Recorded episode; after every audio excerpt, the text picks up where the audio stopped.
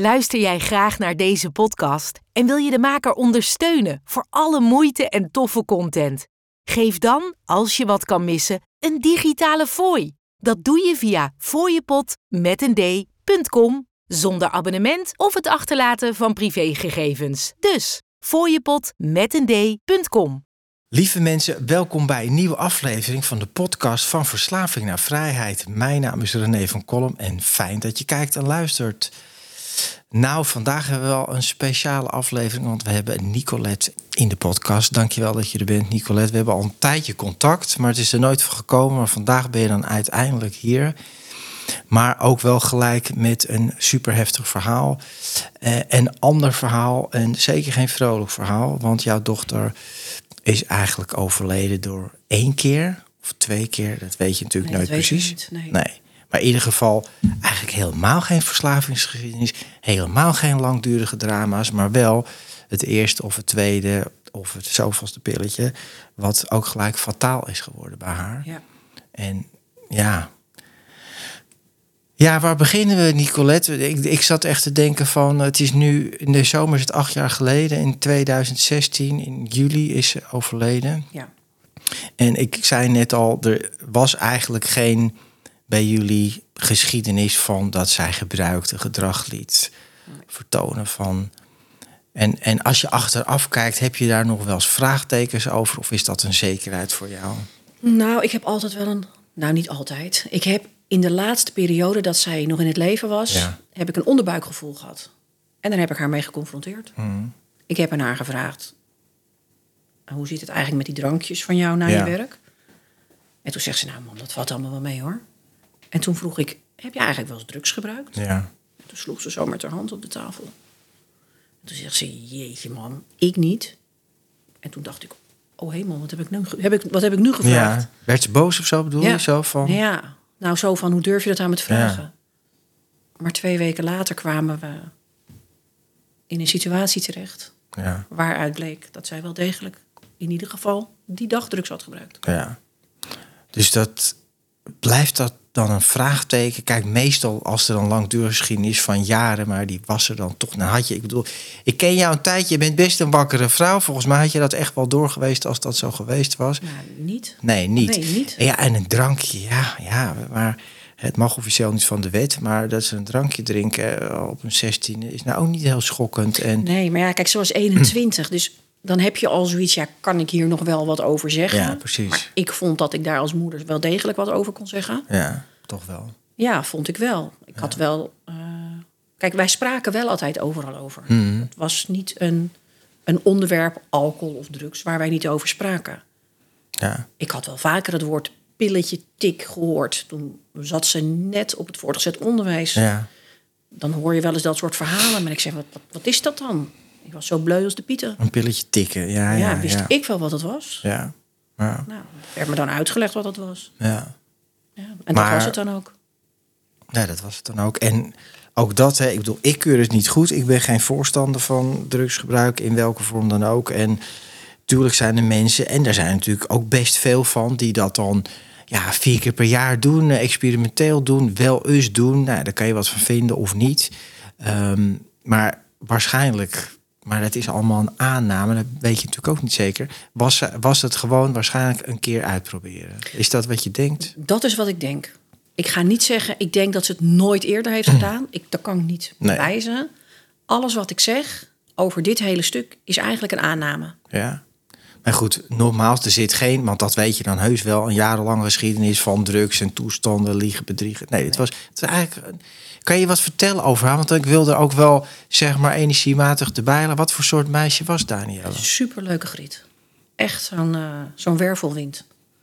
Ik herken mezelf ook wel heel erg in haar. Ja, Want ik weet ook, eh, als zij ergens binnenkwam, dan stond ze daar ook. nou ja, heel aanwezig. Jawel. Ja. Ja. Hoefde ze nog niet eens wat te zeggen.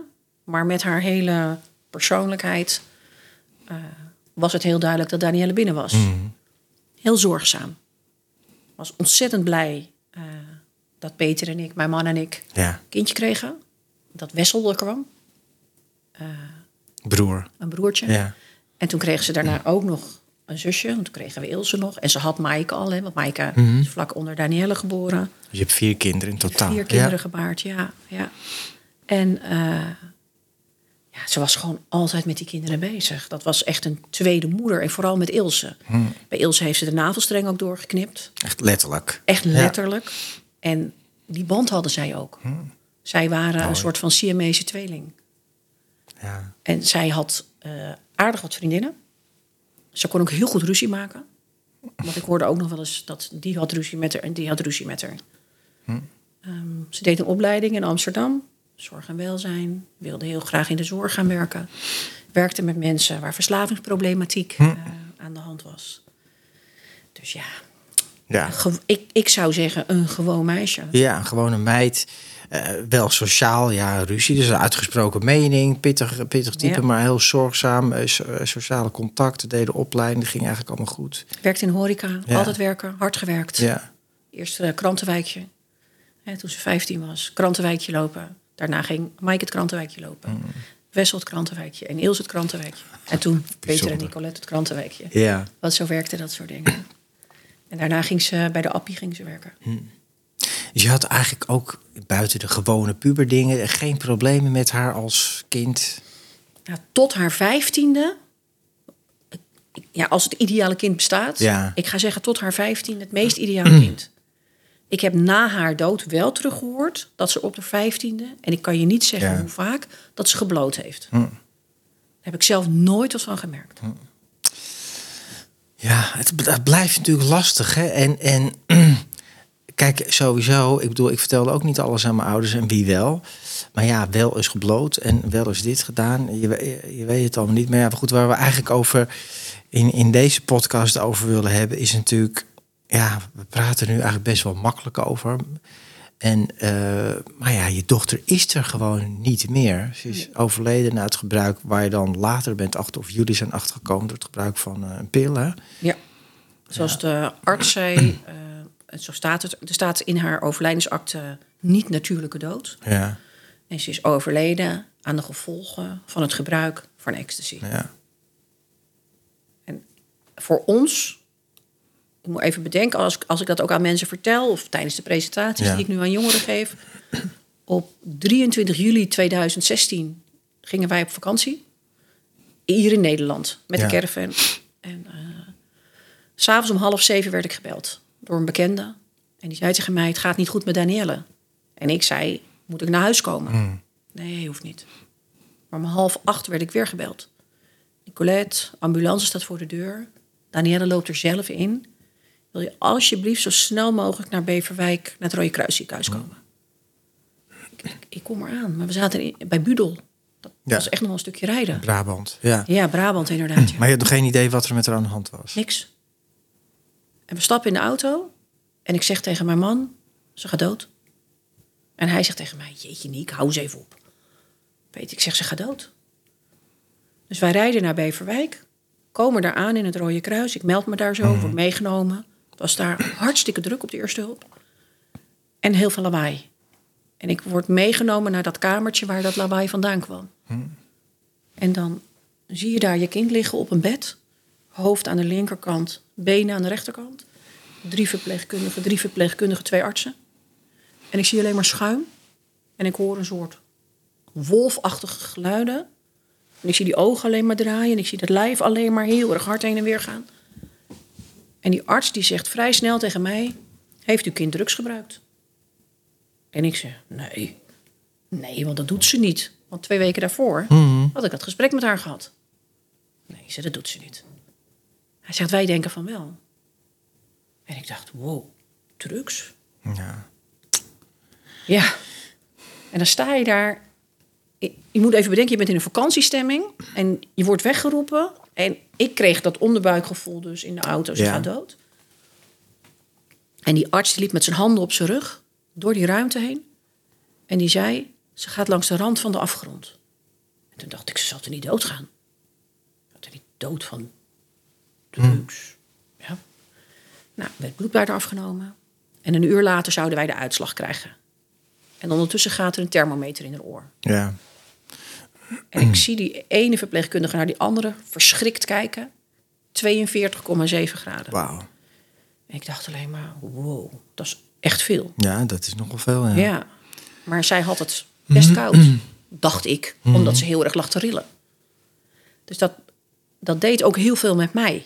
Ik heb er ook heel lang niet over kunnen praten. Ik vond dat helemaal niet fijn Nou, dat begrijp ik. om over, die, over dat wat ik zag weer te benoemen en weer te gaan Ja. herbeleven. Ja, ik, want ik, ik word er stil van. hè. Ik hoor je dan zo, je neemt me eigenlijk gelijk mee in dat, in die, ja, hoe moet ik het zeggen, die gebeurtenis daar. Maar wat voel je dan als moeder als je kind daar ligt met schuim en je zegt wolfachtige geluiden, ligt te Ja. trillen, ogen draaien. Wat, wat gaat er dan door je Nou, heen? ik werd heel misselijk. En ik weet dat ik, eh, Mhm. dat weten mensen misschien wel van zo'n kartonnen spuugbakje. Ja, Die had ik met mijn duimen onder mijn kin. En ik had mijn vingers in mijn oren. En zo liep ik daar. Ik ging naar buiten op een gegeven moment om mijn vriendin te bellen. Ik had nog niemand verder gesproken. Ik moest, ik moest overgeven. Van het geluid wat ik hoorde en dat wat ik zag. Dat, dat ging gewoon niet. En ik weet nog dat ik buiten tegen mijn vriendin zei... ze gaat hartstikke dood. Ze gaat dood hoor, ze gaat hartstikke dood. Dat woord had niemand nog in de mond genomen. Maar alleen ik zei dat steeds. maar werd je een soort van, want het is echt een traumatische reactie, hè? Dan Ja. vechten, vluchten, Ja. bevriezen. Maar bevroor jij? Of Nee. moest je ook huilen of, Nee. of niet? Nee, niks? Nee. Eh, nou, ik denk wel dat ik... Ik was wel emotioneel. Maar het echte huilen, huilen... Ja. Nee, dat Dus heb ik daarna pas gedaan. Is paniek? Of is het gewoon oh, meer handelen? Gewoon Ja, ik ben aangegaan. Ik zeg Ja, steeds, ik dat. ben aangegaan. Ja, dat is het En ik ben tot op de ja. dag van vandaag nog niet uit. Nee, dat merk ik ook aan je. Ja, ja, ik ben heel gedreven. ja. Maar ook... Ja, maar ja... Dit, ik, kan me, ik heb veel meegemaakt. heb ik in de vorige podcast met Judith ook gezegd... die haar zoon overleden is. Maar ik kan me hier toch wel... Ja, ik kan me niet voorstellen. Ik ben zelf ook vader. Hè. Als je kind daar ligt... Nou, het is, is toch... Ja, het is het meest verschrikkelijke wat je kan meemaken Ja, het is- als ouder. Het is niet erger. Het Nee. werd nog erger dan die dag. Maar dat was al erg dat we dat zagen. Want na een uur kwam die arts terug. Mhm. En die zei tegen mij... in haar bloed hebben we MDMA en amfetamine gevonden.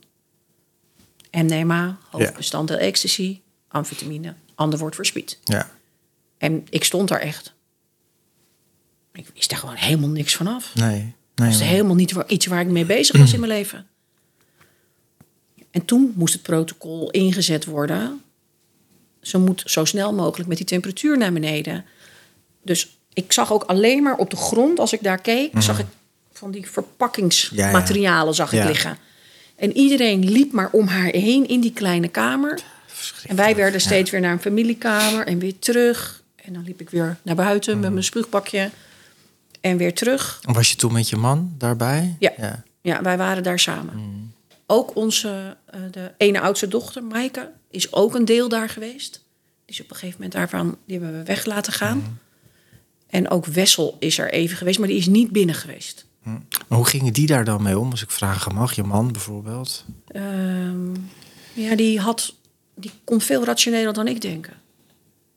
Als we daar ook nog samen over praten, dan is hij daar veel rationeler in. Misschien ook bescherming of ja, iedereen gaat andersom met dezelfde gebeurtenissen. Ja. Daar is ook geen. Dat, dat hebben we ook wel gemerkt hoor. Ja. Ja. Zo rond een uur of half twee mocht zij naar de intensive care. Dus zo lang zijn ze nog met de bezig geweest. S'nachts bedoel je? S'nachts, sorry. Ja. Ja. En dit was allemaal op zaterdag, zaterdagnacht. Ja. En zij is de hele dag thuis geweest. Want die vraag heb ik veel gekregen. Kwam ze van een festival? Ja. Nee. Wij zijn, nou ja, eigenlijk vlak daarna zijn wij naar huis gegaan. Ja. En eh, ik weet nog dat we naar buren zijn gegaan. We zagen nog lichtbranden, hebben op de ramen getikt. En daar heb ik heel hard gehuild. Want ik moest wel heel erg hard huilen. Ja. Alle onzekerheden. Onze zoon had, was met mijn schoonzusje meegegaan.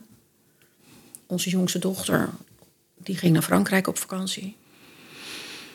Eh, en Maaike, die was naar huis. Dus ik weet nog dat wij met z'n tweetjes daar zo zaten. En het was gewoon echt een hele slechte film. Het was bijna dat ik, dat heb ik niet gedaan hoor, maar dat ik mezelf wel eens wilde knijpen of pijn wilde doen. Van, is dit wel wat er nu wat er gebeurt? Is, Ja. dat, is dat echt? Is dat werkelijkheid? Ja. Ja. Nou ja, ook omdat er helemaal. Ja, ik kan het niet vergelijken en ik ga het toch een beetje doen. Zo bijvoorbeeld het verhaal met Judith is dan een jongen die heeft een jarenlange heftige dat, hè, Ja. drugsgeschiedenis. Dat, en mijn moeder ook. Mijn moeder heeft ook wel eens gedacht van, nou ja, ik hou daar wel sterk rekening mee. Maar er is bij jou nog geen sprake van. Dus dat het was gewoon een meid die werkte, studeerde, Ja. sociaal, vriendinnen. Ja. Ja. En die lag daar nu dus. Dus de volgende dag, ik heb s'nachts heb ik trouwens nog een keertje gebeld naar het ziekenhuis. Ja. Gaat het met haar? Nou, het zag er allemaal goed uit. Want Ilse zou naar Frankrijk op vakantie gaan. En ik heb gezegd, kan ik haar laten gaan? Die ging met vrienden van ons weg. En zij zeiden, ja, dat, dat kan. Die, ik zou die gok nemen. Dus die hebben wij s'morgens nog met z'n tweetjes uit staan zwaaien. Zonder tranen. Ik wist niet wat er aan de hand was, hebben we niet gezegd. Eh, en daarna zijn wij weer naar het ziekenhuis gegaan. Want het leek dat ze aan de goede kant van de medaille, zeg maar, zat. Ja. Dus dat was perfect. En ben jij niet, ik zit nog even terug te denken, ben jij niet gaan nadenken of boos gaan worden? Of wat ging er door je heen toen die artsen dan wel zeiden van, nou, we denken, eh, heeft ze drugs gebruikt? Jij zei nee. En toen zeiden ze, nou, we denken dat ze wel drugs gebruikt. Want je had het nog gevraagd ervoor. Wat, wat gaat er dan door je heen? Ik ben meteen social media opgedoken. En ik ben meteen... Als ik terugdenk, denk ik... ja. Hoe heb ik dat gedaan? Met mijn spuugbakje en mijn misselijk zijn... heb ik alleen maar op die telefoon, zat ik zo. Het moet, het moet ergens, er moet ergens een link zijn.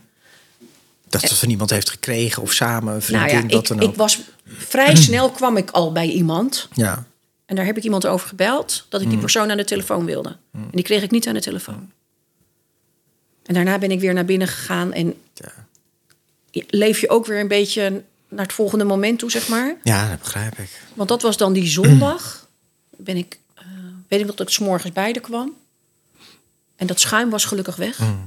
Die ogen waren rustiger. En ik vroeg toen aan haar: Weet je eigenlijk wel wie ik ben?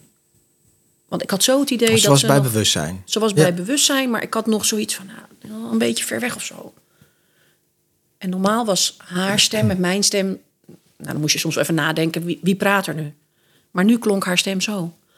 Huh, huh, huwelijk, huh, moeder.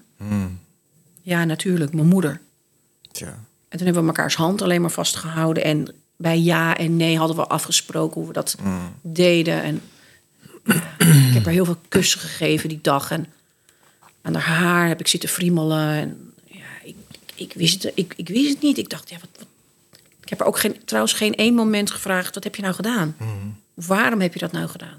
ja, dat heeft ook weinig zin natuurlijk op dat Nee, moment. Nee. Nee. We hadden zoiets van, dat ga ik niet doen. Ik ga die confrontatie ook niet opzoeken. Dat... Maar ik had wel 1.585.000 vragen. Ja, Die had ik wel. dat begrijp ik ook. Ja. Ja, Dat gaat natuurlijk toch door je heen, hè? Maar ja, ja. Toen, eh, maar toen leek het dus eigenlijk wel een soort van beter te gaan. ja, een stuk beter zelfs. Van zondag op maandagnacht heeft ze vlaag gegeten. Ik had gebeld weer Ja. die nacht. Slapen, dat, dat ging niet zo heel lekker. En toen zei die verpleegkundige dat hij ze wat vla had gegeten. En ze praten weer. Ja. Wat beter ook. Ja. En toen stond ik maandagochtend met mijn jas aan, klaar om naar het ziekenhuis te gaan. En toen werd ik gebeld door het hoofd van de intensive care. En die zei tegen mij, het gaat niet goed met haar, met Danielle. Want haar lever stopt ermee. We zien aan de waardes dat haar lever ermee stopt. En ze moet naar een academisch ziekenhuis. Dat kan Groningen zijn. En ik dacht alleen maar Groningen. Ehm, en toen moest ze naar Leiden. en toen hebben ze ons uitgelegd wat er allemaal ging gebeuren. Ja. Maar we moesten wel meteen naar het ziekenhuis komen. Dus nou, wij weer naar het ziekenhuis. En ik weet nog dat ik vroeg, en de kinderen dan?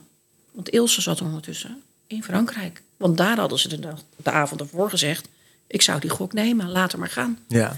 Die was net in Frankrijk aangekomen. Want ze hadden nu gezegd... ze moeten afscheid komen nemen... want we weten niet hoe dit gaat aflopen. Dus ik de heb andere eerst- dochter was in het buitenland. Ja. Was in Frankrijk bij Lyon. Ja, dat is best ook, een stukje. Ja, dat is wel even een stukje. Rij je ook niet zo weer even terug? Nee, Nee. Maar, Dus ik ben eerst begonnen met Maaike, die was aan het werk. En die heb ik gezegd, eh, kom zo snel mogelijk naar het ziekenhuis. Ik ga je daar vertellen wat er verder gaat gebeuren. Wessel hebben we wakker moeten bellen. Aangegeven dat het een slechte dag was. Dat ze zusdrugs had gebruikt en dat het niet goed was gegaan. hoe reageerde zij erop, die andere kinderen? En Maaike was natuurlijk al in het ziekenhuis erbij geweest voor een deel. Ja. Maar die was wel heel emotioneel. Ik heb er ook een hele emotionele foto van hoe zij afscheid van haar zus neemt. dat haar zus haar nog bij kennis aankijkt. En Maaike huilend in de eh, kleedje van de werk Ja. zo bij haar zus staat. En elkaars handen hebben ze elkaar vast. En Wessel... eh en Wessel wil er eigenlijk niet over praten. Nog steeds niet. Nee, die stopt het dan weg, ja. Nou ja, ik heb wel een interviewtje met hem in het eh, boekje. Dat interview heb ik denk ik twee uur over gedaan. Daar heeft mijn man in moeten bemiddelen. Omdat ik geagiteerd raakte op dat moment. Want hij wilde geen woord zeggen. Nee. Maar ja, zo gaan we om met hele moeilijke emoties, hè? Ja. Later, toen ik uit mijn eigen emotie was gestapt... snapte ik dat ook. Ja. Maar hij heeft heel duidelijk aan mij aangegeven hoe hij dat zag. Dat als hij daarover zou gaan praten... hij bij zijn eigen emotie kwam. Ja. En dat wilde hij niet. Nee, dat, dat is, zo gaat het altijd. Ja. Nou ja, goed, en is misschien ook, zonder te generaliseren, maar wat mannen-eigener, hè? Om niet te praten over de emoties Heb wegstoppen. ik goed gemerkt. Natuurlijk, eh, in totaal drie dochters en een zoon. Ja. Danielle lag natuurlijk slecht. Mm. Maaike kon daar met mij over praten. Ilse heb ik het eerst aan de telefoon moeten vertellen in Frankrijk. Eerst hebben we die vrienden natuurlijk gebeld. Ja. Dit is er aan de hand. Zij hebben eh, tegen Ilse gezegd: Mama belt zo meteen. En Ilse had ook al meteen vol sprieten van: Mijn moeder gaat bellen. Hoezo? En toen heb ik haar moeten vertellen aan de telefoon wat er aan de hand was. En dat ze zo snel mogelijk terug naar Nederland moest. En Tom, onze huisvriend, Ja. die is in de auto gestapt met mijn hondjes. En die is naar Frankrijk gereden. En ergens in de buurt van Dijon, want zijn, die vrienden van ons zijn van Lyon naar Dijon, zeg maar, teruggereden. Op een parkeerplaats is de overdracht van Ilse geweest. Om, de, om je dochter op te halen. Om? Ilse Ja, inderdaad weer terug mee naar Nederland te nemen. Wij waren ondertussen afscheid van Danielle aan het nemen. Maar ze ging toch naar een ander ziekenhuis? Ja, of, maar we moesten afscheid van haar nemen, omdat ze in slaap werd gebracht. Dus zij was toen nog bij leven.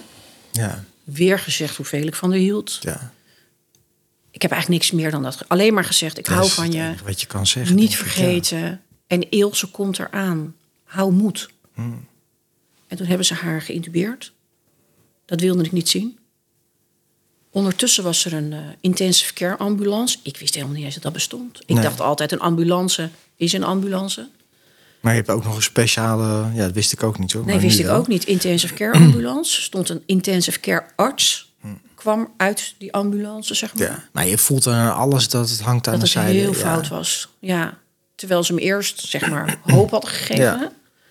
Ehm, toen is ze in slaap gebracht. Toen zeiden ze ook, we moeten nu echt weg. En ik wilde het liefst bij haar blijven. Dat kon allemaal Ja. niet. Ik mocht ook niet mee in de ambulance. Ik weet nog dat ze zeiden, rij niet achter ons aan. Want wij zullen hard over de snelweg, Ja. zullen wij vertrekken. Maar waarom mag je dan niet in zo'n ambulance daarbij? Het is toch jouw dochter? te precair. Die ambulancearts, die intens- intensive care arts, die moest bij haar blijven. Had je dat achteraf, ja, misschien is het toch mijn vragen wel gewild om Ja. erbij te zitten? Ja. Ja. ja, ik denk dat is toch jouw dochter, hè? Ja, Hoe dat ik had de hand gewoon vast willen Nou ja, houden. dat, Ja. ja. Begrijp ik wel. En wij stonden nog te praten op de intensive care. En toen hoorden wij bij het, mensen die uit de omgeving van Beverwijk Ja. komen, die weten dat bij het Rode Kruis. Wij hoorden zo de ambulance zo. Mhm. En opeens krijg je dan het besef, daar ligt mijn kind in. Ja, Hoe vaak hoor je niet de ambulance voorbij komen? ja. Maar nu lag mijn kind lag erin. Dus wij hebben er afscheid genomen. En we zijn naar Leiden gegaan. En daar was ze kwijt. Ze was nog niet ingeschreven. Ze is met alle spoed natuurlijk binnengebracht. ja. En zij moest meteen de scan door. En wij staan daar. En wij zeggen haar naam. En die mensen zeggen... Die is hier niet. En dan krijg je paniek.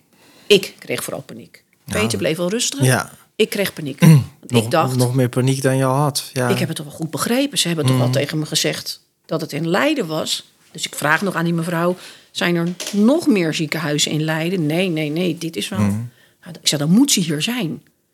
Nou, toen zijn we eerst op een aantal afdelingen zijn we gaan kijken. Maar dat was ze niet. En toen heeft er een mevrouw van de balie beneden gezegd: ik ga met u mee. Het is ook nog eens een heel groot ziekenhuis. En daar loop je dan met z'n tweetjes. En toen werden we naar, ik weet niet eens meer waar we waren. We waren, werden naar een afdeling gebracht. En toen kwam ze net op de gang, op een brancard, was ze net uit, de, uit zo'n scan was ze gekomen. Ja, ja. Want wat ze wilde, was haar aanbieden voor een levertransplantatie. Dus dat ik aan te denken, ja. Ja, er was wel sprake van, Ja. maar dat wisten we helemaal nog niet. Dus nou ja, eerst zag ik haar en dacht ik, oh, ik heb er weer, ze is er. En dat was al heel fijn. En zij werd toen naar zaal gebracht en aan honderdduizend apparaten werd zij eh, aangesloten. En wij zijn toen in gesprek gegaan. Met artsen. Met artsen inderdaad. En die gingen ons vertellen, wij willen haar... eh, nou ja, niet we willen haar. Dat gaat dan gewoon gebeuren. Ja. Beslissen zij. Want ik weet nog dat ik zoiets had. Hoe gaat ze hier uitkomen? En is dat nog menswaardig hoe Ja. zij hieruit gaat komen? Daar ben ik heel erg mee bezig geweest. Ik heb geprobeerd mijn egoïsme van het hebben van mijn, en houden van mijn kind opzij te zetten en te gaan denken: wat is het beste voor haar? Ja. En niet voor mezelf. Knap hoor dat je dat dan nog kan. Maar ja, het is ook gewoon je kind natuurlijk toch ook. Dus ja. Ja, maar zij zeiden, ze gaat op de lijst. Ze is nummer één in heel Europa. Dus de eerste, lever, de eerste lever die vrijkomt in Europa. Ja, die gaat Die haar. Ja. Maar we hadden ook maar 72 uur de tijd. Zo lang konden ze haar in leven houden. Want in Leiden hebben ze een leverdialyseapparaat. Hm. Oh, En daar lag ze ondertussen lag ze daaraan. ja. Omdat ze haar eigen lever niet meer schoon kon houden. Ehm, ondertussen steeds contact met Ilse, die in de auto natuurlijk onderweg was. Waar rijden jullie? Hoe is het met haar? Als ik dat weer aan Tom vroeg. S'avonds eh om een uur of tien kwam Ilse. En ik zei het al in het begin. nou, Danielle had de navelstreng doorgeknipt hè, van Ilse. En Danielle lag in slaap. Want ze was natuurlijk geïntubeerd. En ze hadden dat slaapmiddel een klein beetje teruggedraaid. Om te kijken of er misschien ja, iets ging gebeuren. enige reactie was. Als ik iets in haar oor zei of in haar hand kneep, niks. En Ilse komt. En je komt ook meteen eh, als moeder in een hele andere rol. Want ik Als, dacht alleen als je andere kind binnenkomt, bedoel je? ja, Ja. want ik denk, hoe ga ik haar zo min mogelijk laten traumatiseren Ja. van dat wat ze ziet? Mhm. Want Danielle zag er heel anders uit. Dus ik heb een foto eerst van Danielle gemaakt. Ja. En die verpleegkundige had haar haar een beetje mooi gemaakt.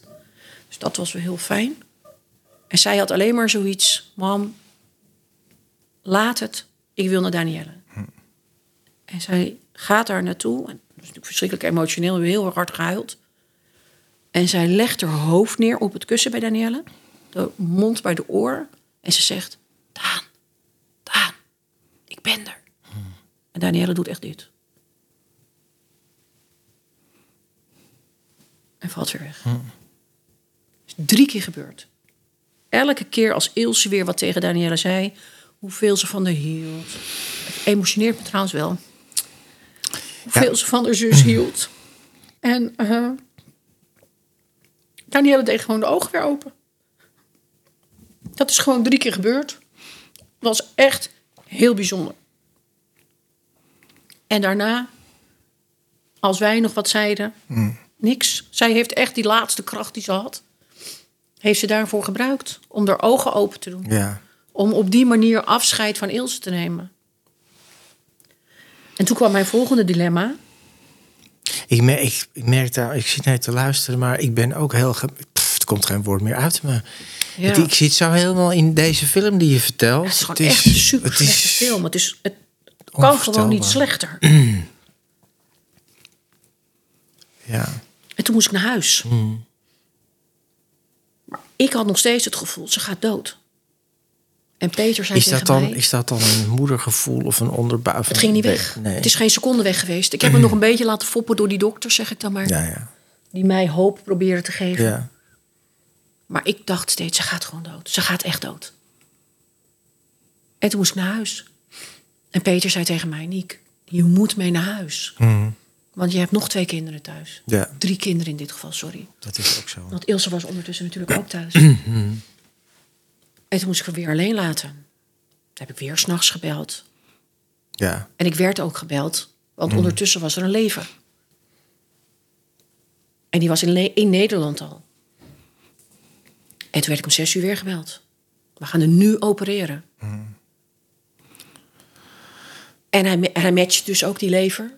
ja, dat moet natuurlijk allemaal Ja. passen, zeg maar. En ze werd echt als de duivel naar die operatiekamer gereden. Mm. En hij zei wel tegen mij, het is een hele lange operatie. Gaat zes uur duren. Ik bel u rond 12 uur. Het is goed.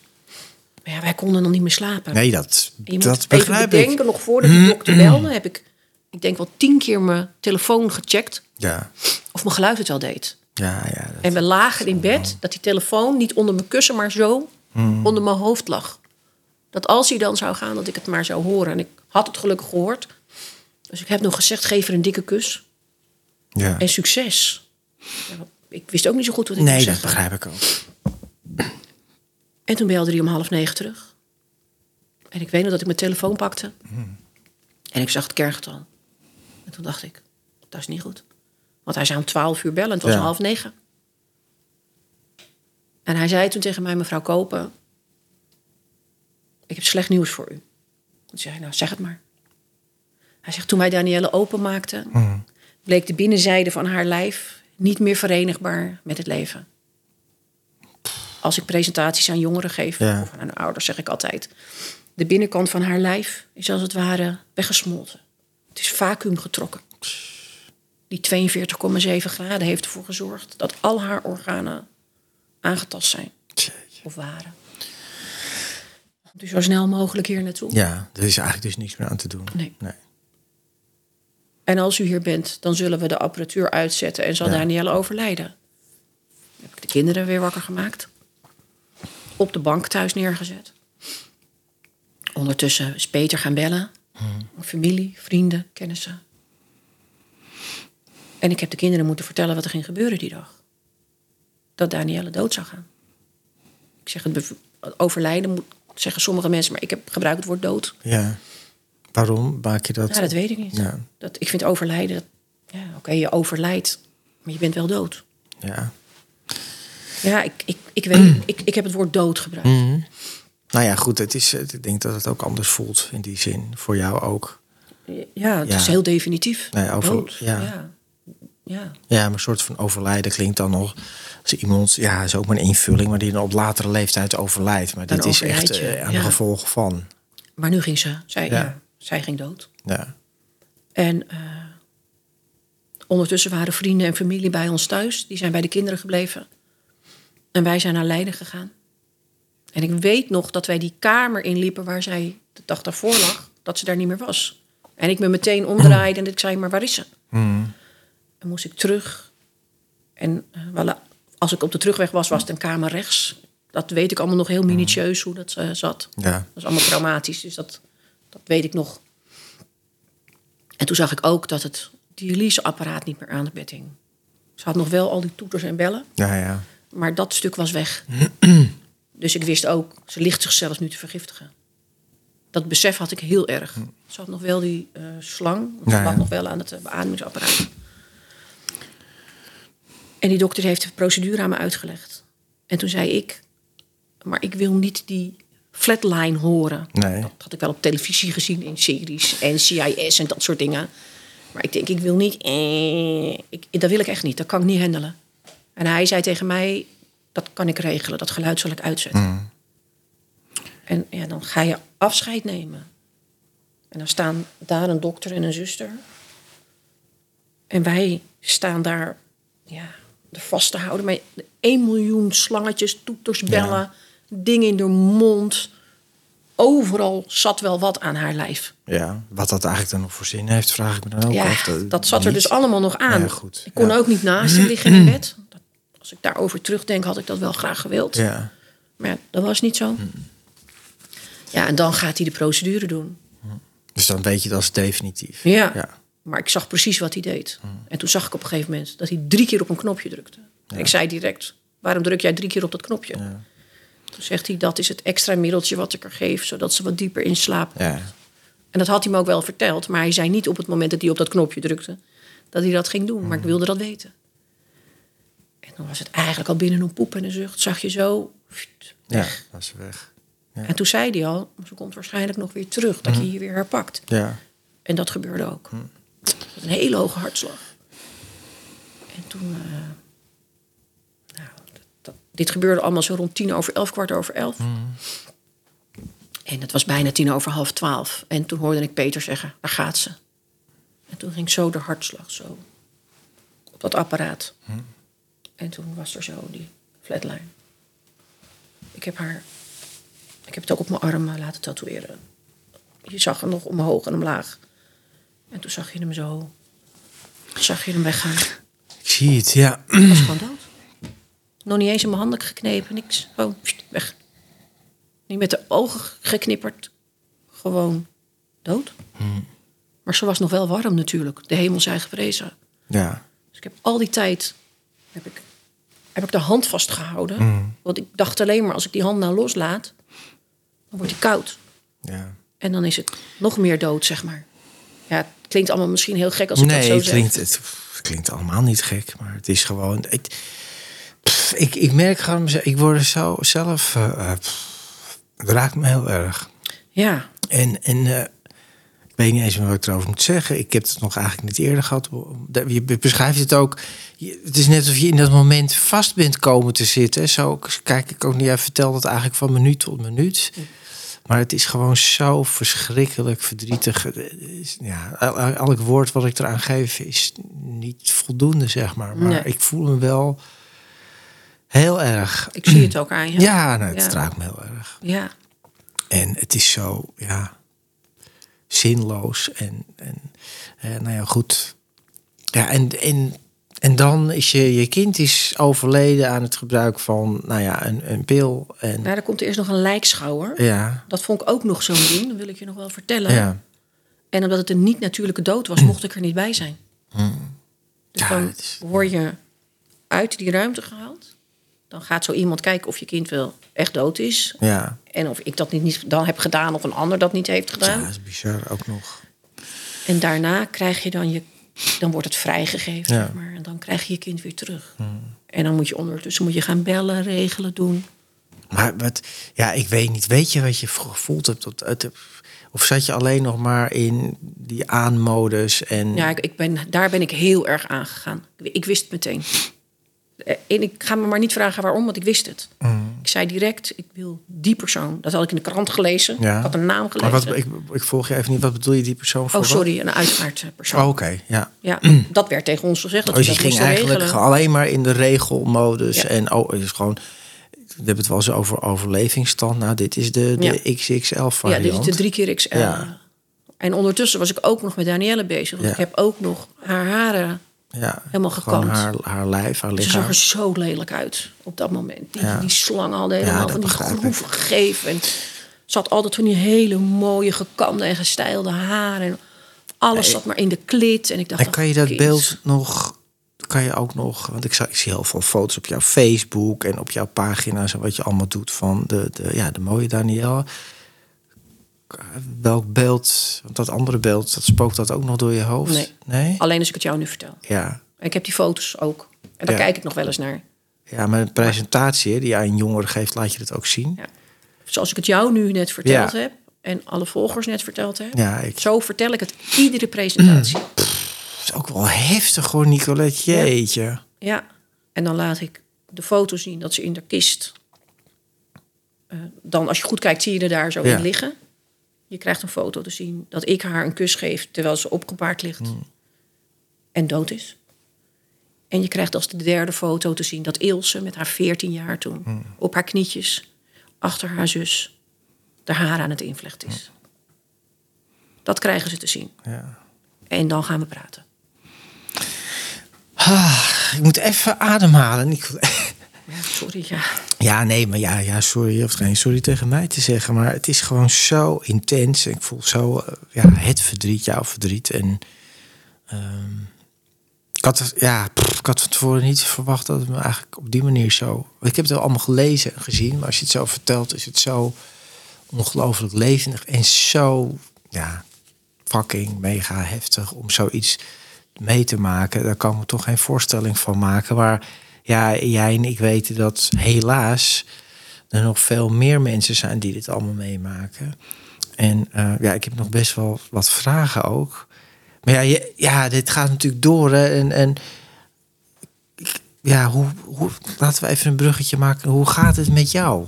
Naar jou toe. Hoe ga je in hemelsnaam mee om? ik, ik, was, ik ben aangegaan. Ik, ik ben nooit meer uitgegaan. Het gevoel van dat het gisteren was, Ja, is heel lang gisteren geweest. Maar kan ik nu oproepen, dat gevoel. Mm. Dat is... Het blijft altijd gisteren, maar het, ik heb niet meer het gevoel van gisteren. Het is misschien een beetje moeilijk uit te leggen. Ik kan weer gelukkig zijn. Ik heb daar laatst had ik daar ook een stukje over geschreven. Omdat iemand aan mij vroeg, hoe gaat het nou met je Niek? En toen zei ik, ja, eigenlijk best wel goed. Ja, Ja, dan nou voel je ja. je bijna... Dat is bijna moeilijk om te zeggen. Mhm. Want heel vaak zet ik daar nog het zinnetje achteraan naar omstandigheden. ja, Want de omstandigheid blijft altijd. het blijft hetzelfde, ja. Ja, dat gaat niet veranderen. Ja, Maar dat, dat zware gevoel, zeg maar, Ja. Mhm. wat altijd op de loer ligt, die ligt daar. Maar die blijft daar ook altijd, zeg Ja. maar. Dat, dat weet ik zeker, dat gaat nooit meer weg. Ja, Want dat is mijn rouw. ja. Dat is- Ja, maar het komt wel heel, als je het vertelt, heel, ja, zeg maar, ik weet niet hoe ik het anders moet zeggen, vers over, hè, die beleving. Je vertelt inderdaad alsof het gisteren is. Ja, dat kan ik. En zo kom je ook voor mij over dat het, het soort van, als je daarover gaat vertellen, dan ben je weer helemaal op dat moment Ja, daar. kan ik helemaal naar teruggaan. Maar kan ook weer daaruit stappen. Nou ja, dat vind ik dan wel weer bijzonder. Dus je kan ook ontspannen. Nog, ja. het is een heel rare overgang misschien, maar op vakantie gaan Ja. en lachen en met je andere kinderen. Anderhalf jaar geduurd voordat ik weer echt kon lachen. Ja. Dat ik me echt weer bewust was. Ik weet ook nog precies waar ik was. Ik was met vriendinnen op vakantie. en ik was in Spanje. Ik weet ook nog precies waar ik reed. En dat er wat gebeurde. Nou, ik heb zo ontzettend gelachen. Dat ik van pijn in mijn buik had van het lachen. Dat ik echt dacht, ik kan weer lachen. Ik, en ik voel het weer. Ja. Want natuurlijk kon ik lachen, maar eh, Ja, ja, de- ja, je hebt lachen en lachen. ja, Ja, de emotie die bij het lachen zeg maar hoorde, het gevoel, Ja, die kon ik toen pas weer voelen. ja. Ja. Hey, en ben jij, als we nou toch over gevoelens hebben, ben jij, ja, ben je kwaad, ben je boos op?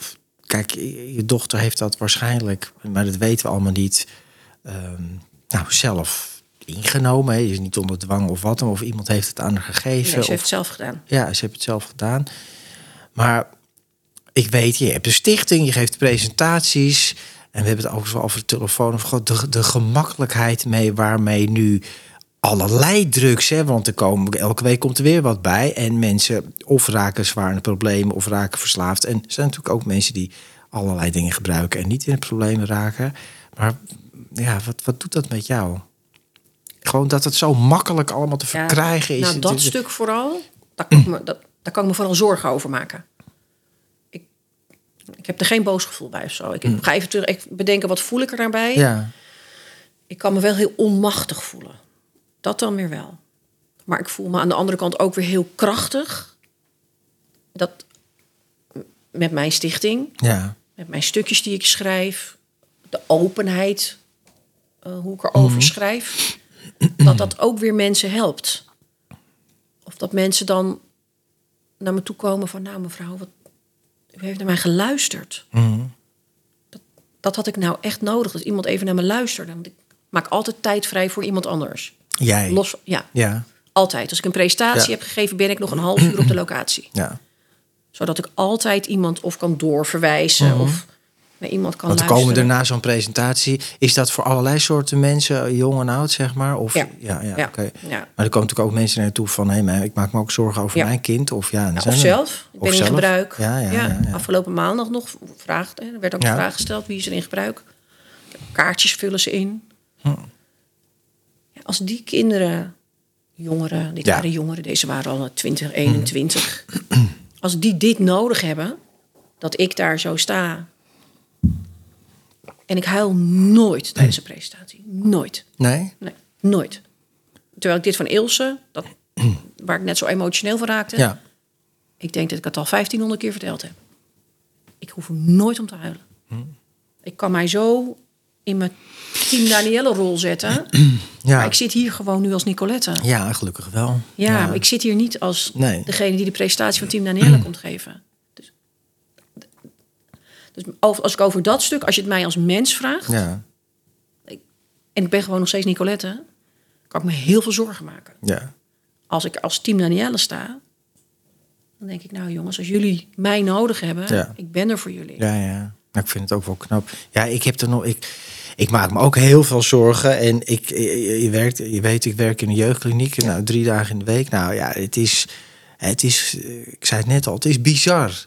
Allerlei soorten echte harddrugs... waarvan de werking helemaal niet bekend is. Je weet niet hoe het valt. Nou, en ga zo maar door. En dan liefst ook nog niet één ding... maar Nee. drie, vier, vijf Ja. door elkaar... met een beetje alcohol erbij enzovoort. Wordt allemaal naar binnen gegooid. Ja. En ja, het gaat ook... Ik kan me ook voorstellen dat je dan wel boos wordt. Want het gaat bij heel veel mensen... Ja, die doen maar wat. En dan gaat... Nou ja, goed, tussen aanhalingstekens ook nog. En als je dan een presentatie aan jongeren geeft... daar is dat hè, drugsgebruik is gewoon normaal geworden. Ja. drugsgebruik. Hoe reageren die op dit verhaal van jou? Dat heeft een beetje te maken met de opleidingsvorm waar ik- ik kom. Ja, Als ik op het VMBO kom, zit daar een verschil in. Alsof ja, als dat ik kinderen van de HAVO voor me heb zitten. Of afgelopen week HBO'ers voor me heb zitten. Ik, ik merk vooral respect van de kinderen naar mij toe. ja. ja. Ik heb pas één keer van alle presentaties is er een jongere uitgezet. Omdat hij zich misdroeg. Eén keer. ja. Nou, en verder is het altijd u, mevrouw. En ze willen wel met mij praten. Het hangt ook van de setting af. Zit je in een zaal van 150, dan gaan ze niet naar me toe komen. Nou, dat begrijp ik ook nog wel. Ja, Dus in het begin heb ik klas voor klas gedaan. Deed ik soms zeven presentaties op een dag. Ja, dat, nou, dat is veel. ik, nu denk ik ook, hoe heb ik het gedaan? Ja, dat is niet gezond, eh, Nicolette. Nee. nee, nee, maar ik heb het wel gedaan. Ja. Tot aan de corona heb ik dat gedaan. Ja.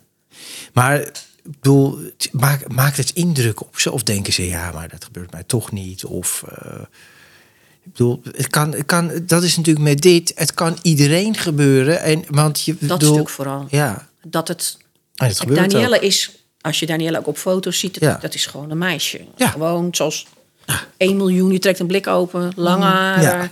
Hè? Ja. Mm. Op die foto's, allemaal. Ja, En ik ben een heel gewoon mens. Ik bedoel, ik, ja, dit, Nou, is het, dit is het. ja. En zo sta ik daar ook in al mijn kwetsbaarheid. Maar het kan ook iedereen. En het gebeurt ook. Hè. Je hoort toch zo. En ik vind, ik weet dat. De, je hoort er veel te weinig over. Maar ik weet dat elke dag, zeker als je het over de hele wereld hebt, overlijden mensen aan de gevolgen van drugsgebruik. Dat kan, maar dat kan ook hè, na één of twee keer zijn. En, en elke keer bij die dancefestivals hoor je ook weer dat het misgaat. En er zijn waarschijnlijk ook meisjes of jongens die één keer maar. Of af en toe, een paar keer per jaar zoiets doen. En het valt dan net verkeerd. Ja. Een combinatie van factoren, te weinig drinken, te warm, te wat dan ook. Niet uitgerust, te groot, Ja. te klein, te dik, te dun, jongetje, meisje. Ja. Emotioneel belast. Hoeveelheid, de eh, sterkte van het middel. Ja, de sterkte. Kijk, dat zijn dingen waar ik me heel veel zorgen om kan maken. Ja, het mooie vind ik van de presentaties naar die jongeren toe... en van die jongeren naar mij toe... ja, is dat ze anderhalf uur, want zo lang duurt mijn presentatie... alleen maar zo naar ja. mij... ja, dus het maakt En ik hoor alleen maar dit. Ja, ja, ja. dat gebeurde bij mij Dus- ook, ja. Ja, dus zij, zij hebben zoiets... Ja. Als ik, het is wel een mooi voorbeeld. Ik, op de Hogeschool van Leiden... Ja, eh, ik, ik kom daar, was nog voor de corona. Ik, ik, ik doe daar jaarlijks presentaties ja geven. nou, ik ook toevallig, grappig. Ja. Dat is inderdaad wel... eh, en ik, ik loop daar door die studiezaal heen... op weg naar dat, die, die, die grote plek waar wij die presentaties dan geven. En ik hoor... eh, mevrouw! Ja, daar reageer ik natuurlijk helemaal niet op. En ik hoor nog een keer... Mevrouw! Ja. Dus, ja, dat ik ben doe jij, mevrouw. Ja. dat was ik dus, ja. En ik doe nog. Ja. Dus nou... Dus ik kom naar het meisje toe. Heeft zo'n hele grote agenda. Ze zegt, u bent toch de moeder van Danielle? Ja. Ik zeg, ja. Ze zegt, ja, ik heb vorig jaar presentatie van u gehad. En ze klapt de agenda open. En achter in haar agenda hing mijn Danielle. Hmm. Want iedereen krijgt namelijk bij vertrek een foto van Danielle. En er staat op, als ik aan Danielle denk, dan. Ze zegt, mevrouw, elke keer denk ik weer... wat zei de moeder van Danielle ook alweer? Goh, En dan denk ik, kijk, en daar gaat het om. daar gaat het om, ja. Wat heb ik verteld? Jeetje. Want ik heb ze verteld hoe het Ja. werkt, hoe het gemaakt wordt. Ze hebben foto's gezien van de labs waar we geweest zijn. Ja. Van de, Hm. verteld wat de ingrediënten zijn. En de gevolgen, ja, die weten ze helaas. ja. Ja, ik, ik- het is waanzinnig goed en belangrijk wat je doet. Hè. Dat klinkt als een cliché, maar dat bedoel ik echt niet. Want daarvoor doe ik dit ook en daarvoor zit ik hier ook. Hè, om dat bewustzijn te vergroten over Ja. hoe het... Want mensen, en het is geen... Ja, het is niet, niet slecht of zo, maar ze denken er gewoon niet over na. Ik heb natuurlijk ook een hele geschiedenis. Ik deed maar wat. Je doet eigenlijk maar wat, zonder dat je eigenlijk weet wat je doet. Ja. En het interesseerde me. Ik zat zo slecht in mijn vel dat me ook eigenlijk niet interesseerde. Maar er zijn natuurlijk ook heel veel gewoon jonge mensen die dat ook gewoon uit de leuk proberen. En eigenlijk helemaal niet stilstaan bij hoe en wat. Ja, dus je. Ja, groepsdruk ook. Ja, wat, het is echt gekker als je tegenwoordig, als je het niet doet als jongere, dan als je het wel, wel doet. Ja. Dus uh, ik bedoel, we moeten hier voor de deur. ik maak die podcast. Er staan nu steeds, hier is ook wel heel cynisch. En, en er staan niet steeds jongeren hier voor de deur die we nu. En dan ga ik met ze in gesprek. Die staan dan allemaal te blowen. En zeggen ze, ja, ja, ze zijn nog heel vriendelijk en beleefd. Ja, meneer. En ik zeg, ja, jongens, dat kan echt niet. Ik, zie, ik help, help hier mensen. He, uh, we nemen nu een podcast op, maar ik doe hier ook de coachings. Ik zeg, dat kan niet. Die mensen komen voor hulp. Jullie staan te blowen. Ja, nee, dat begrijp ik wel. Hoe laat is de kliniek dan dicht? Ik zeg, nou, het is geen kliniek, maar... Maar ik zeg, dan lig jij al lang in je bed. Nee hoor. Wel, ik zeg, ik zeg, jongen, ga, is er niet wat anders? Nee, ik ga pas om vier uur naar bed. Het zijn guppies van 15. En, en uh, ja, weet je, en zo. Het is... Ja, en het gaat maar door. Hè? Ja. En waar ik me dus wel kwaad over kan maken is, en ik weet niet hoe jij daarin staat, maar de politiek en de. Ik hoorde gewoon bijna niks over. De gemeente Rotterdam is de eerste gemeente die er echt eens wat aan het doen is. Dat was ik ja. laatst op bezoek. Er kleeft bloed aan jouw pil. Ja. De campagne die er is. Ja, die campagne die er is. De wethouder die zich er hard voor maakt. Ja, ja, nou, ik heb met hem gesprek gehad. Maar, maar hoe kijk jij daarnaar van? Want het is, ik vind een epidemie, en dat is echt geen overdreven statement, die gewoon gaande is met de, alle, alle problemen die ervan komen. He, niet nogmaals de mensen die geluk hebben en drie, vier keer naar een festival gaan en een leuke avond hebben. Nou ja, he, maar dat gewone drie, vier keer in de week harddrugsgebruik, ja, dat is niet normaal. En alle geestelijke en huiselijke problemen die ja. ervan komen. Maar je hoort er bijna niks over. Nee. Hoe kijk jij daar tegenaan? Nou, ik, uh, ik heb daar wel mijn mening over. Ja, vertel. Ja, ik, uh, ik heb mijzelf uit laten nodigen door Ferdinand Grapperhaus toen nog. Oh ja. Onze ja. toenmalige minister. Van En- veiligheid of Nee, justitie was hij justitie, toen. ja, ja. Ja. ja. En eh, heeft het me wat gebracht? Uiteindelijk moet ik nu zeggen nee. Nee. Ze hadden, hij had gevraagd of ik eh, mee wilde werken aan de beleidsstukken. Ja, Heb ik ja op gezegd. Alleen toen kwam corona. ja, En ondertussen is hij alweer weg. ja. Zo Dus gaat dat in de politiek. En de volgende minister. Kan je weer opnieuw beginnen, Die is ja. ook weer weg. Dus ik moet nu weer op een nieuwe minister van Justitie wachten. En dan laat ik me weer uitnodigen. Datzelfde is met Paul Blokhuis. Ben ik ook geweest. Hm. Ja. Omdat Ook de staatssecretaris, was toch? toenmalige Ja. staatssecretaris van Volksgezondheid. Ja. Ehm, ik heb hem vragen gesteld over de cijfers van de overleden mensen in Nederland. Omdat ik me daar heel erg zorgen over maakte. Want- daar klopt werkelijk Geen- geen... één cijfertje van. Nee. Of daar zit iemand met dyscalculatie. Dat, is, dat kan. En je, Ja. dat gaat- Slaat maar je bedoelt mensen die overleden zijn door meer Aan gevolgen van ja. drugs. Ja, maar dat is ook heel dubbel, Nicolette. Want kijk, als iemand onder invloed is, maar die valt met zijn hoofd tegen de wasbak aan, Ja. dan zegt ze ja, hij is overleden aan een hersenbloeding. Ja. Nee, hij is overleden omdat hij Aan de totaal gevolgen van het gebruik Ja, van. precies. Of dat hij onder invloed was van. Hè, alcohol is daar een gigantisch voorbeeld van. Maar dat wordt dan zo niet benoemd. Dus dat komt nooit op die manier.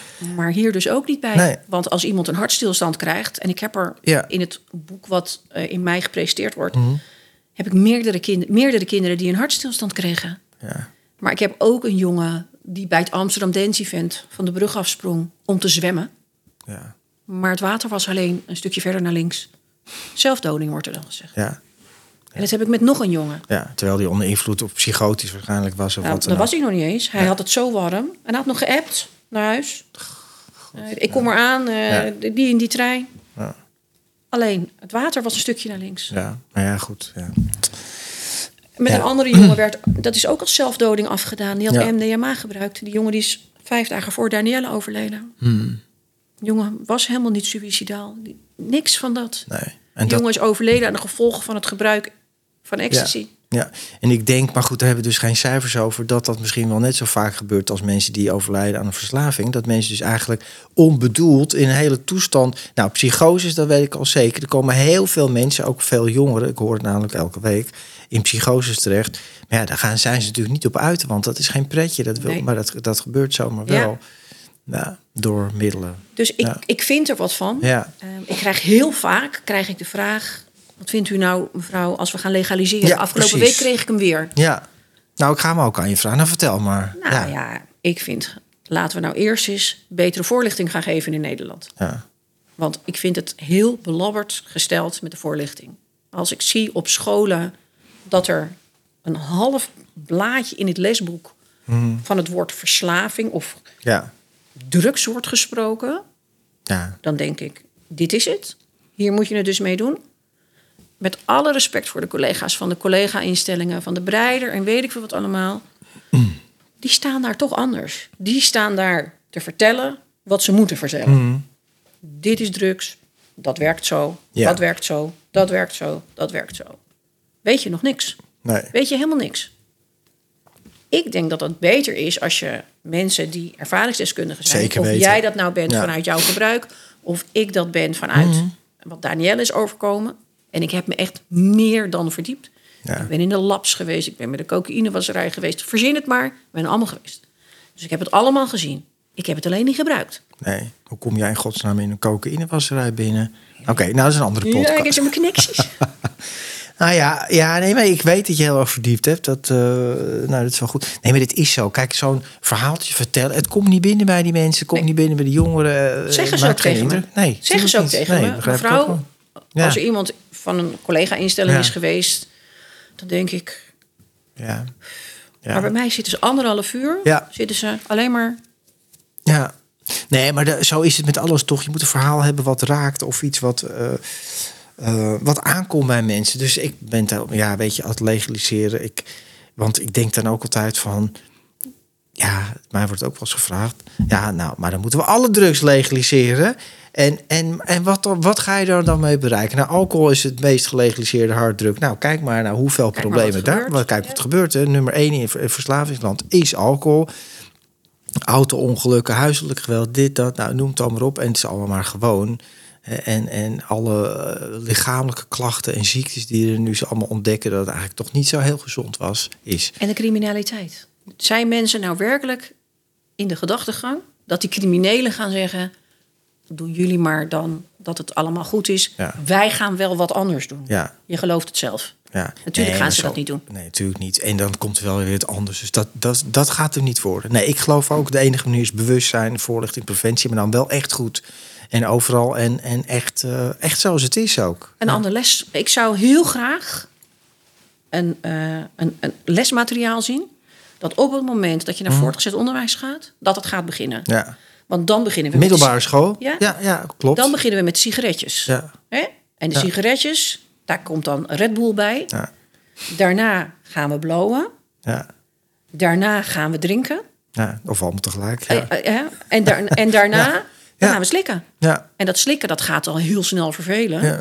Dus dan gaan we daarbij nog eventjes lekker snuiven. Ja. En wat er allemaal door die neus gaat en gaat, dat maakt niet uit. Dat het soms trouwens een beetje pijn doet omdat het te grof is. Er wordt maar wat Hmm. aangeklooid. Ik kan het ze ook niet kwalijk nemen, want ik zeg ook altijd tegen die leerlingen... Je moet eigenlijk een beetje zien, jullie hebben slechte wifi in je hoofd. Het hapert gewoon af en toe. Ik zeg, als je nou 25 bent, dan krijg je glasvezel. En dan ga je er toch weer wat anders over nadenken. En zo probeer ik het maar met een klein beetje humor. Dat ik het ze dan toch maar probeer uit te leggen waarom zij andere keuzes maken. Ja. Maar ook vertel ik ze hoe ik als moeder, en zij hebben ook een moeder of een opvoeder, Uiteraard. altijd proberen te beschermen. En of dat nou goed is of niet, wij doen dat vanuit de gedachte dat we heel graag willen dat onze kinderen gelukkig en veilig groot mogen worden. Ja. En dan, dan leg ik ze uit. En ik had van de week een jongen die zei wat tegen mij over dat hele beleid. Ik zeg, wat nou, stel je nou voor hè, dat we dat op die manier gaan doen. Dus dan zijn er geen kaders meer. Ja. Want het kader, je mag dan een pilletje van 70 milligram halen of 50. Nou, dat, dat kunnen we natuurlijk allemaal wel bedenken dat dat het niet wordt. Ik zeg, als jij nou niet weet waar je aan toe bent, dan ga je toch maar gewoon wat doen. Want dat is dus wat er nu gebeurt. Ja. Ik zeg, want jij weet als je door het rode licht rijdt, dan heb je bekeuring. Mm. Jij weet als je niet op tijd op school komt, dan krijg je straf. En zo gaf ik nog wat voorbeelden aan hem. Dus het is allemaal gekaderd. Dus jij weet waar je aan toe bent. Ja, maar met drugs weten ze dat Maar dus met niet. drugs niet? Nee, dat weten ze niet. Nee, en, en, en nou ja, dat is een goed punt. Maar ze hebben ook geen idee. En je denkt natuurlijk altijd, maar dat dacht ik vroeger ook. Ah, toen ik de eerste keer zelfs heroïne gebruikte, dacht ik, oh, is dat nou heroïne? Valt dan wel mee. Heb ik wel in de hand. Nou, het is gewoon allemaal eh, onbewuste gedachtegangen. Nou, dat viel dus niet mee. En, maar, en, en als iedereen het doet, wordt het dus hè, dat normale wat nu speelt. Het is allemaal normaal. Ja, dan is het toch, dan sta je er toch helemaal niet bij stil. En kijk, je kan het allemaal gaan testen of niet, maar dat lost natuurlijk niks op. Dus, Leg eh, ik ook uit aan ze. Testen. Dat is niet zaligmakend, hè? Ik heb Nee. ook tegen Paul Blokhuis gezegd. Ja. Ik zeg, testen, testen is niet een garantie dat het daarna goed is. Want dat is, als je het aan jongeren vraagt, dan zeggen ze... Nou, laten we zeggen, als ik het aan 100 jongeren... Mm. 70% gaat tegen mij zeggen... Ja, dan is het veilig. ja. Nee. Nee, dat is, dat is Dat ook. is- ja, Dus er ja, moet een het sterretje onder, Ja, vind ik. ja, Want als je... Die jongeren die doen Het alles is- met die telefoons, hè? ja, ik weet Kijk het. mevrouw. Ja, Jellinek. En wat zegt Jellinek? Ja. Net als de, de cijfers, hè? Kijk ja, mevrouw. Ja, Dit zijn de cijfers. Ja, maar lieve schat, de cijfers worden alleen gemaakt van jongeren van wie het gemeld is. En van wie het overduidelijk dat was. ja. Dus als je van de brug afgesprongen bent, of als Mm. je dit, of als je dat. Maar dat staat er niet. Dus ik heb dat echt gehad hè, met de presentatie. En er werd zo die telefoon erbij Ja. gepakt. Kijk mevrouw. Ja. Nou ja, maar dat, daar kan ik me nog wel eens kwaad over maken. Over die instellingen die al die cijfers en dingen presenteren. Dat dat gewoon, ja, pff, ik word er niet vrolijk van. Maar daar ben ik nog geen vriendjes mee. Dat kan ik wel Nee, vast zeggen. nee, ben op ik ook niet. Ik ben daar ontvangen. Ja, En toen heb ik om die cijfers gevraagd. En die Ja. heb ik ook uiteindelijk... ik heb natuurlijk gehoord hoe dat Ja. gemaakt werd. Hè, van de ziekenhuizen die dan melden. ja, Maar zij zeiden mij ook... eh, ik heb eh, de kusjes vandaan. Hè. Ik heb dus Danielle de handschrift. Ja. Mhm. En daar heb ik roze postertjes van. Die zouden mogelijk aan kunnen zetten tot drugsgebruik. ja dat is wel een heel bijzonder wat the fuck moment. Ik dacht echt... Ja. Huh? Ik, ik heb nou niet het idee dat als iemand mijn poster ziet... En jammer is ook, ik heb samenwerking aangeboden. Van geef me jullie lesmateriaal mee. Ja, We hebben het in dit geval over het Trimbos Instituut. ja, Eh, niets van dat alles. Mm. Gewoon niets. nee. Nou ja, er is nog veel Er is nog veel te moet doen. toch heel veel gebeuren. Nee, het is natuurlijk waanzinnig om ook, kijk, als je het gaat legaliseren en inderdaad laat testen, dan het is per definitie niet veilig. Maar ik denk nog de, de, de grotere vraag, maar daar zal ik verder ook nog eh, in de podcast überhaupt over.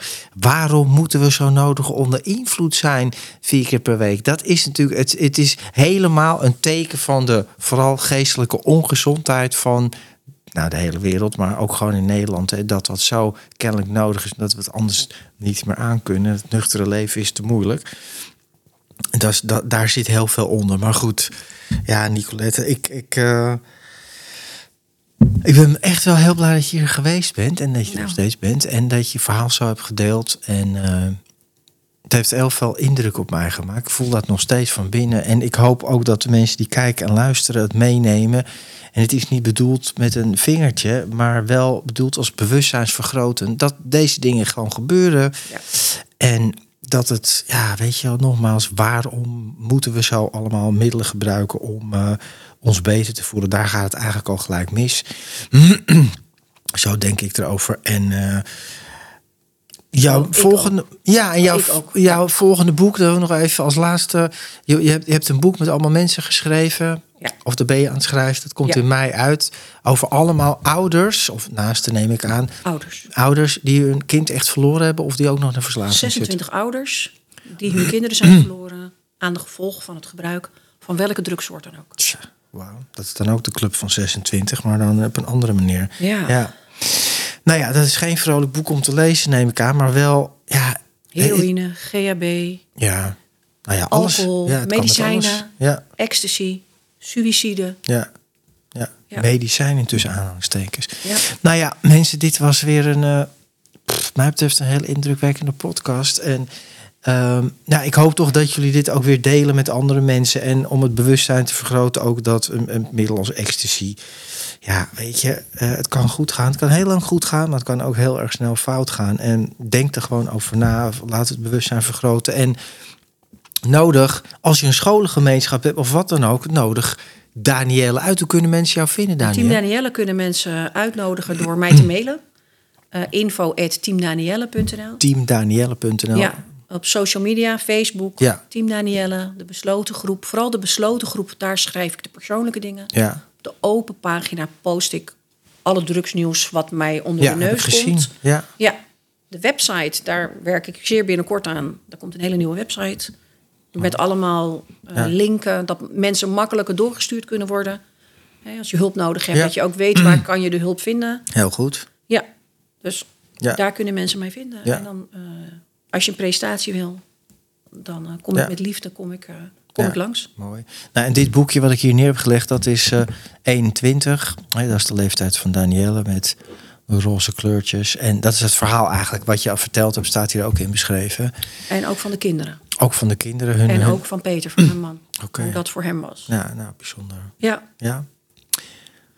Nicolette, nogmaals dank je wel. Heel graag ja. gedaan. En dank jullie wel allemaal voor het kijken en het luisteren. En tot de volgende keer. Nou, abonneer je op dit kanaal als je dat nog niet gedaan hebt. En deel het met anderen nogmaals. Dank je wel en tot de volgende keer. Luister je graag naar deze podcast? Laat de maker weten dat je waardeert wat hij of zij doet en geef een digitale fooi. Dat kan zonder abonnement, snel en simpel via fooiepot.com. Fooiepot met een d.com